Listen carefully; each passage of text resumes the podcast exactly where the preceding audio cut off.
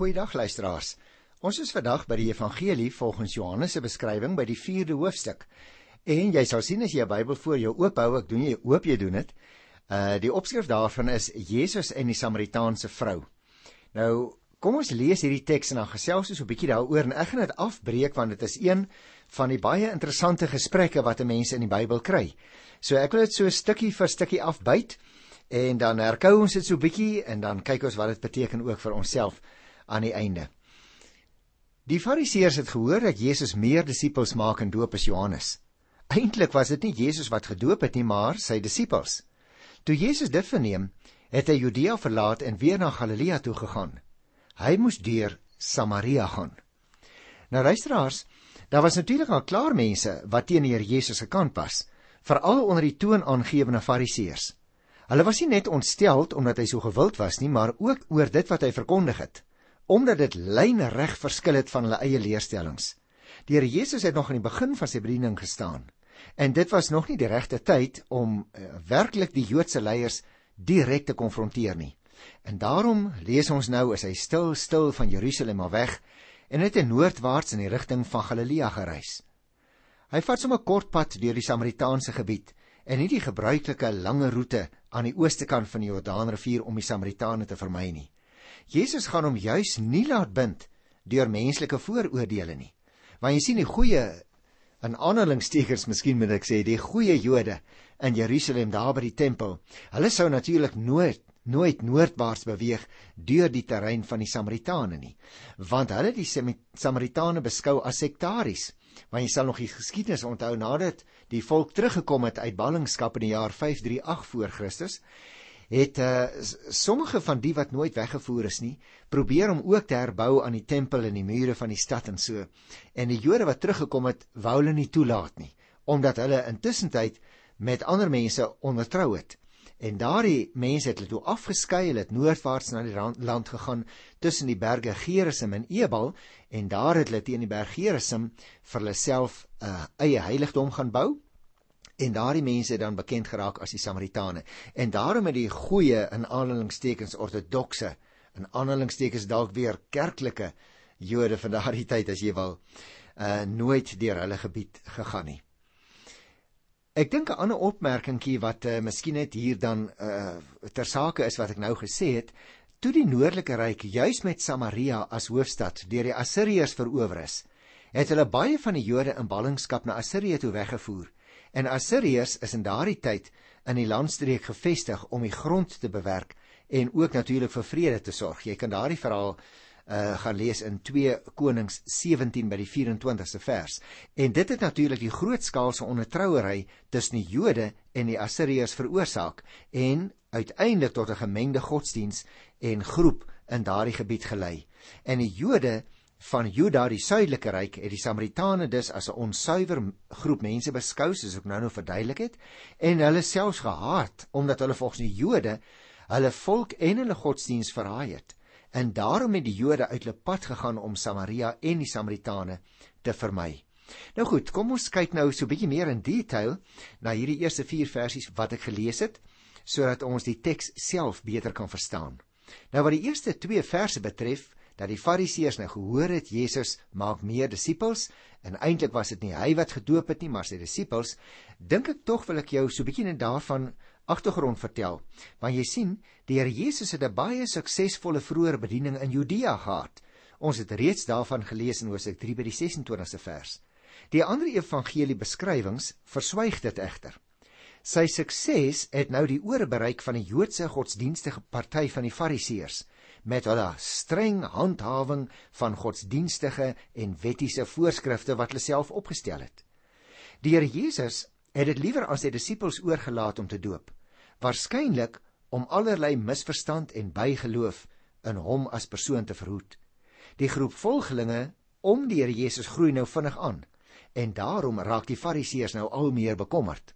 Ek kan dus verstaan dat vers 3 en 4 sê toe die Here Jesus dit verneem, het hy Judea verlaat en weer na Galilea toe gegaan en dan die opmerking waar uh, 'n aanleiding waarvan ek net net so 'n bietjie uitgebrei het, hy moes deur Samaria gaan. Dit lyk vir my luisteraars dat die Here Jesus liewer probeer om 'n botsing met hierdie klomp Jode te vermy en daarom gaan hy terug na Galilea toe.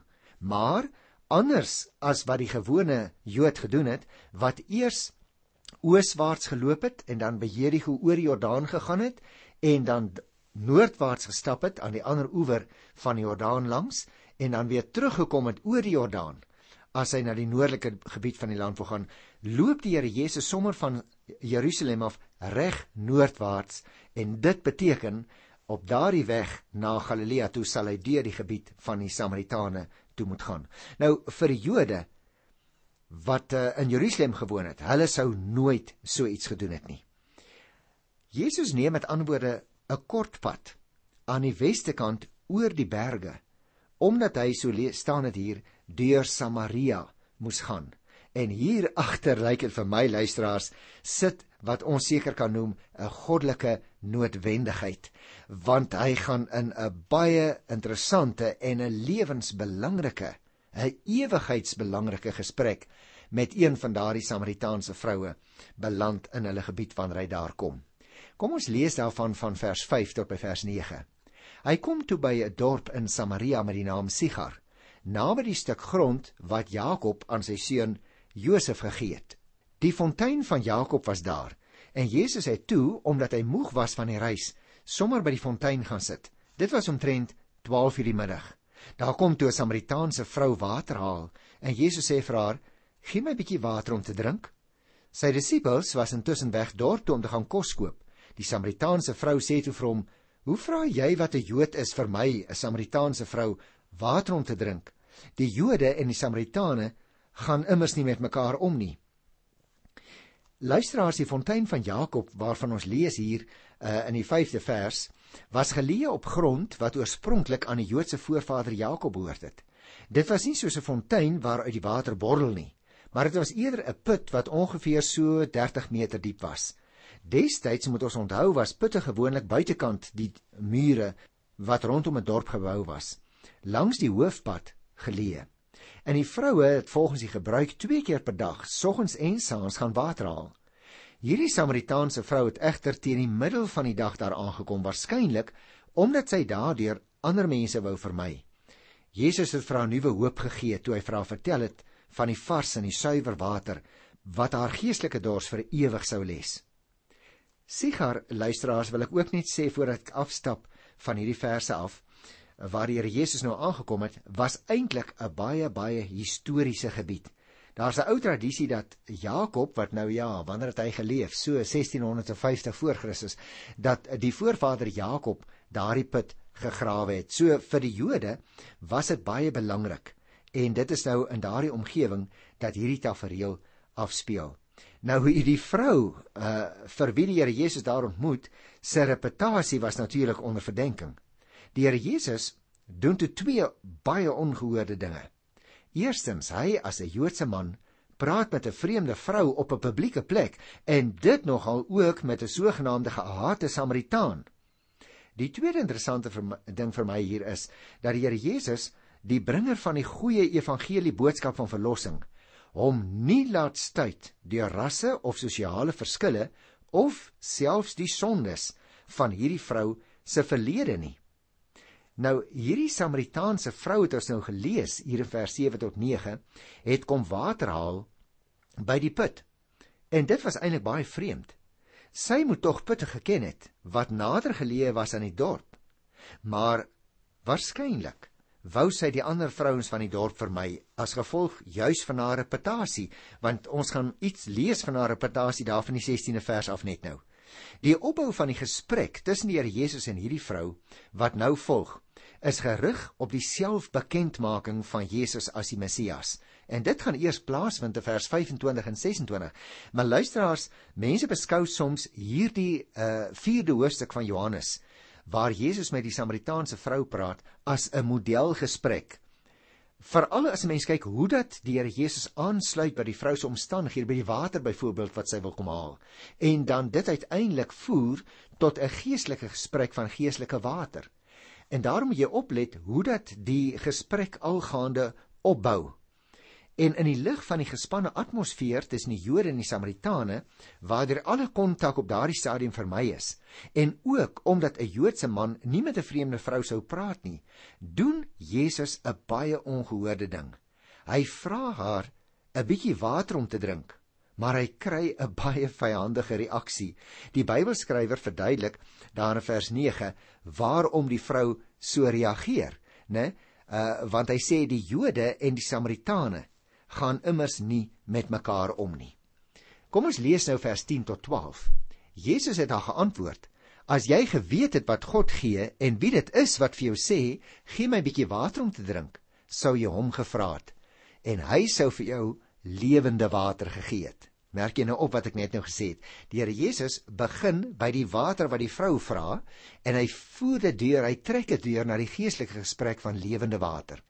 Dan in die 11de vers staan daar die vrou sê toe vir hom meneer, jy het nie eers 'n skepting nie en die put is diep. Waar gaan jy lewende water vandaan kry? Jy's tog nie tot meer in staat as ons voorvader Jakob wat hierdie put vir ons gegee het en self saam met sy seuns en sy diere daaruit gedrink het nie.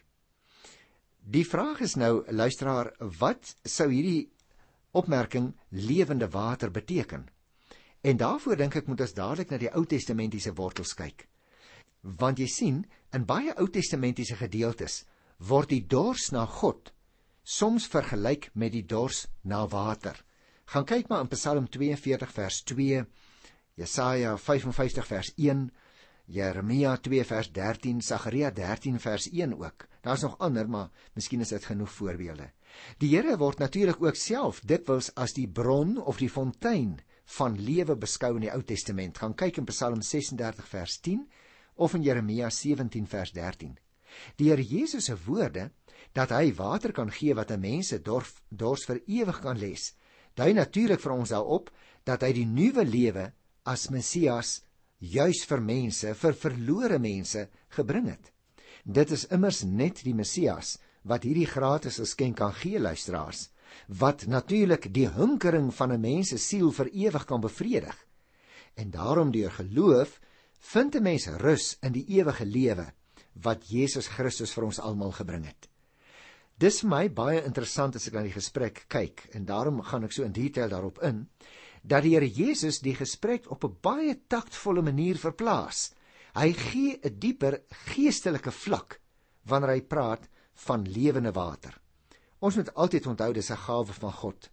En hierdie lewende water word alleen gegee deur sy seun. Hy wat nou met haar praat, hy deel dit uit en niemand anders nie. Hy verwys het jy opgelet luisteraars spesifiek na die nuwe lewe wat hy bring. En eh, daarom is hierdie vrou se belangstelling dadelik geprikkel, want sy hoor iets wat sy van tevore waarskynlik nog nie gehoor het nie. Wie sou nou met haar wat eintlik 'n prostituut was. Nou die feit dat sy 'n vrou met swak reputasie was, kom eers later in die gesprek na vore. Op hierdie stadium uh sê sy dit nog nie, erken sy nie, maar die Here Jesus wat weet wie sy is, moontlik aan haar klere drag, want jy onthou, mense het ook op 'n bepaalde manier aangetrek in daardie tyd. So ek kan nogal voorstel toe hierdie vrou hierdie man op die muurtjie sien sit by die put, het haar oë dalk geblink want dalk het sy gedink hier is nog 'n kliënt vir my. So die Here Jesus het heel waarskynlik agtergekom wie sy is. Maar op hierdie stadium sê hy dit nog nie vir haar nie. Hy voer die gesprek na 'n bepaalde punt. Dit is natuurlik ook waar wat sy sê uh, dat hy nie eers 'n skepting het nie. Terwyl die put so 30 meter het ek net nou gesê ongeveer uh, diep was. Vir hierdie vrou wat 'n Samaritaan was, was die put wel van baie groot historiese belang, né? Want daar was 'n bepaalde tradisie daaraan gekoppel. Nou is dit baie interessant dat die Here Jesus haar wat 'n Samaritaan is, juis by so 'n historiese plek vir haar mense ontmoet. Kom ons lees verder by vers 13, maar Jesus antwoord haar: Elkeen wat van hierdie water drink sal weer dors kry. Maar wie van die water gedrink het wat ek hom sal gee, sal in alle ewigheid nooit dors kry nie. Nee, die water wat ek hom sal gee, sal in hom 'n fontein wees met water wat opborrel en vir hom die ewige lewe gee. Die vrou het vir hom gesê: "Meneer, gee vir my van daardie water, sodat ek nie weer dors sal kry en hier hoef te kom water haal nie." Nou natuurlik luisteraar, water uit die put van Jakob les tydelik die mens se dors, letterlike dors, né? Maar die lewende water wat die Here Jesus gee, bevredig mense vir altyd. Jy kan gerus gaan kyk in Matteus 5 vers 6, daar kry jy ook dieselfde gedagte. Die Here Jesus gee wat hy gebring het, die ewige lewe. Daarvoor het hy immers gekom. En hierdie beeldspraak van honger wat 'n mens ook kry in die 35ste vers van die 6ste hoofstuk, ons sal nog daar kom, en die dors aan homself as die messiaanse verlosser te verbind, gee die Here Jesus dit natuurlik dadelik 'n dieper betekenis. Die lewende water les nie net in die hede nie, maar ook vir die toekoms. Ons het dit in die vorige program ook gelees by Johannes 3 vers 36. Hy wat in die seun glo, het die ewige lewe. Maar jy sal ook onthou daar is dadelik bygevoeg na dieselfde teks Johannes 3:36, maar hy wat aan die seun ongehoorsaam is, met ander woorde hy wat nou nie glo nie, hy sal die lewe nie sien nie, maar die toorn van God bly op hom. En daarom is dit vir ons belangrik om op te merk dat die ewige lewe 'n gawe is van God, waardeur die gelowige telkens weer in die Bybel verseker word van die besit van die ewige lewe. Hy word daaraan herinner deurdat dit soos 'n fontein met water sal wees wat opborrel het ons gelees. En interessant, die 15de vers, die reaksie van die vrou. Meneer, gee vir my van daardie water sodat ek nie weer sal dors kry en weer hier hoef te kom drink nie. Het jy opgemerk luisteraar net soos Nikodemus daar in die 3de hoofstuk by vers 4 verstaan die vrou die Here Jesus se woorde letterlik. En natuurlik onmiddellik lei dit tot 'n misverstand. Dit sou vir haar soveel geriefliker gewees het as as sy nie elke dag hoef te kom water haal nie, sê sy. Uh, wanneer haar dors vir altyd geles sou kon word, maar dit is baie duidelik sy mis die hele geestelike bedoeling van Here Jesus op hierdie stadium. Nou is daar natuurlik baie dinge in die geestelike lewe wat met die fisieke lewe ooreenstem. Jy sien, net soos ons liggame honger en dors word, word ons gees ook honger en dors. Ons gees het egter behoefte aan geestelike kos en water. Die feit dat hierdie vrou nou die twee soorte water verwar het, kan moontlik juis daaraan toegeskryf word dat niemand nog ooit met haar 'n geestelike gesprek gevoer het nie. Luisteraar, ons moet nie vergeet nie, ons sal nooit ons liggaamlike kos en water ontsê as ons honger of dors is nie. Daarom word ons geestelike dors eers werklik geles deur die ewige lewe wat Jesus as die seun van God gebring het. Die Heilige Gees herinner ons aan die alreeds besit van die ewige lewe. En hierdie vrou het nou verkeerlik gedink dat sy nie meer elke dag na die fontein toe hoef terug te keer nie, omdat Jesus vir haar van die lewende water vertel wat hy haar kan gee. Sy het egter belang gestel in Jesus se boodskap, nê, omdat dit haar lewe sou vergemaklik. Sy het net aan haar tydelike lewe gedink, nog nie eers die dieper betekenis van Jesus se woorde verstaan nie, nie by verre nie. Nee, nie luisteraars. Jy en ek moet ook leer om te om te luister en om te kyk na God se verlossingsbedoeling in die Here Jesus se optrede. Hy neem nie die alledaagse uitdagings uit die lewe weg nie, hoor, maar hy help ons juis om hulle vanuit die perspektief van die nuwe lewe waaraan ons deel gekry het te benader. Dit neem natuurlik ook altyd tyd om iets wat 'n mens se lewe so ingrypend verander, werklik te kan verstaan en te aanvaar, nê? Daarom het Jesus geduldig gewag terwyl die vrou haar vrae vra en haar opmerkings maak, die een na die ander. En haar eintlik daarmee die geleentheid gegee om dit wat hy gesê het te verwerk, om helderheid in haar eie gemoed te verkry. Ons moet nooit vergeet nie, mense moet gehelp word om vanuit die alledaagse dit wat ons elke dag sien en belewe of ons denke waarmee ons besig is, oor te gaan, oor te skakel en dat ons mekaar sal help tot 'n geestelike vlak om die ware bedoeling van God deur sy seun raak te sien. En daarom, dit is presies wat die Here Jesus hier doen. Ek lees van vers 16 af. Hy sê toe vir haar: "Gaan roep jou man en kom terug hierheen." En nou moet jy baie mooi luister, luisteraar. Die vrou het Jesus geantwoord: "Ek het nie 'n man nie." En Jesus sê vir haar: "Dit is reg wat jy nou net gesê het, ek het nie 'n man nie. Jy het reeds 5 mans gehad.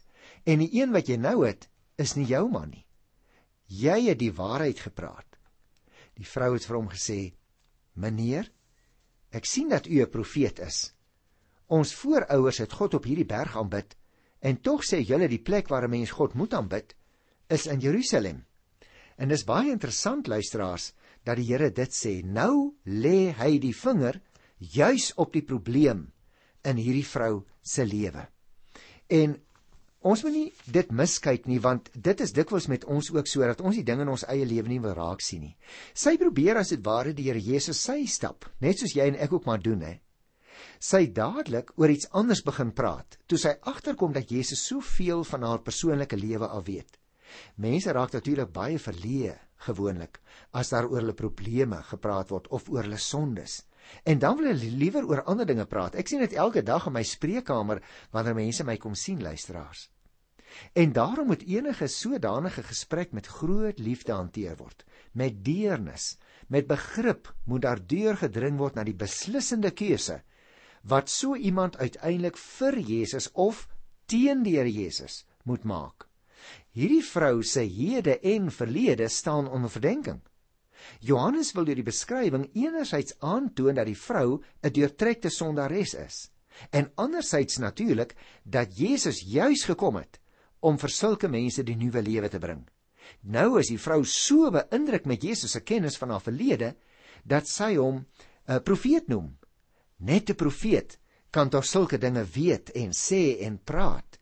En daarom as 'n mens nou hier kyk by die 21ste vers dan staan daar Jesus sê toe vir haar: "Glo my, mevrou, daar kom 'n tyd wanneer julle die Vader nie op hierdie berg en ook nie in Jerusalem sal aanbid nie.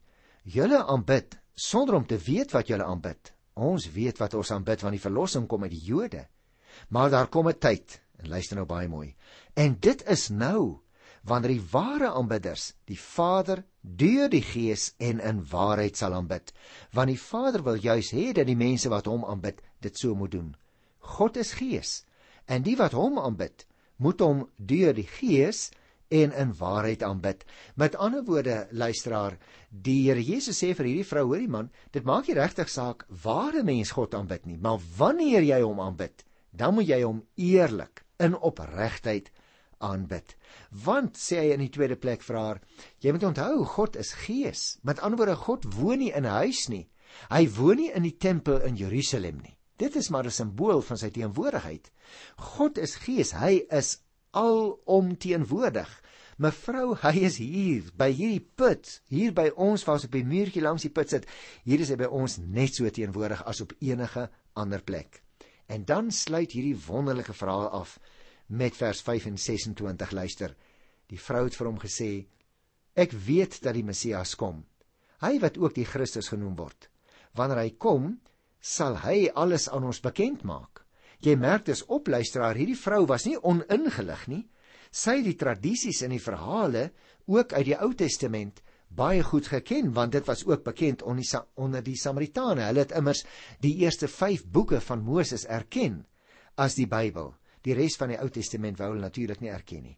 So sy het geweet van die Messias wat kom. En daarom is sy heeltemal in 'n sekere sin voorberei op dit wat die Here vir haar hier sê. En luister wat hoe hoe eindig hy? Vers 26. Toe sê Jesus vir haar: Dit is ek. Ek wat met jou praat. Met ander woorde, hy stel haarself aan haarself voor, as ek dit so mag uitdruk. Sy kry insig in haarself deur die gesprek, maar aan die einde los hy haar nie so nie. Soos dikwels in spreekkamers gebeur, wanneer ons mense gaan sien, hulle praat met ons, maar die Here Jesus sluit uiteindelik sy gesprek met haar af deur te wys wie hy is. Hy is die een wat die water gee. Dit is ek sê hy. Ek wat met jou praat. Luisteraars, ek hoop jy het mooi geluister. Ek hoop jy gaan lees weer hierdie wonderlike gesprek van die Here Jesus met die Samaritaanse vrou in Johannes 4. Kyk na jouself. Kom na die Here toe. Hy wil vir jou vir my ontvang net soos wat ons is. Ek groet jou in sy wonderlike naam tot volgende keer. Tot dan. Totsiens.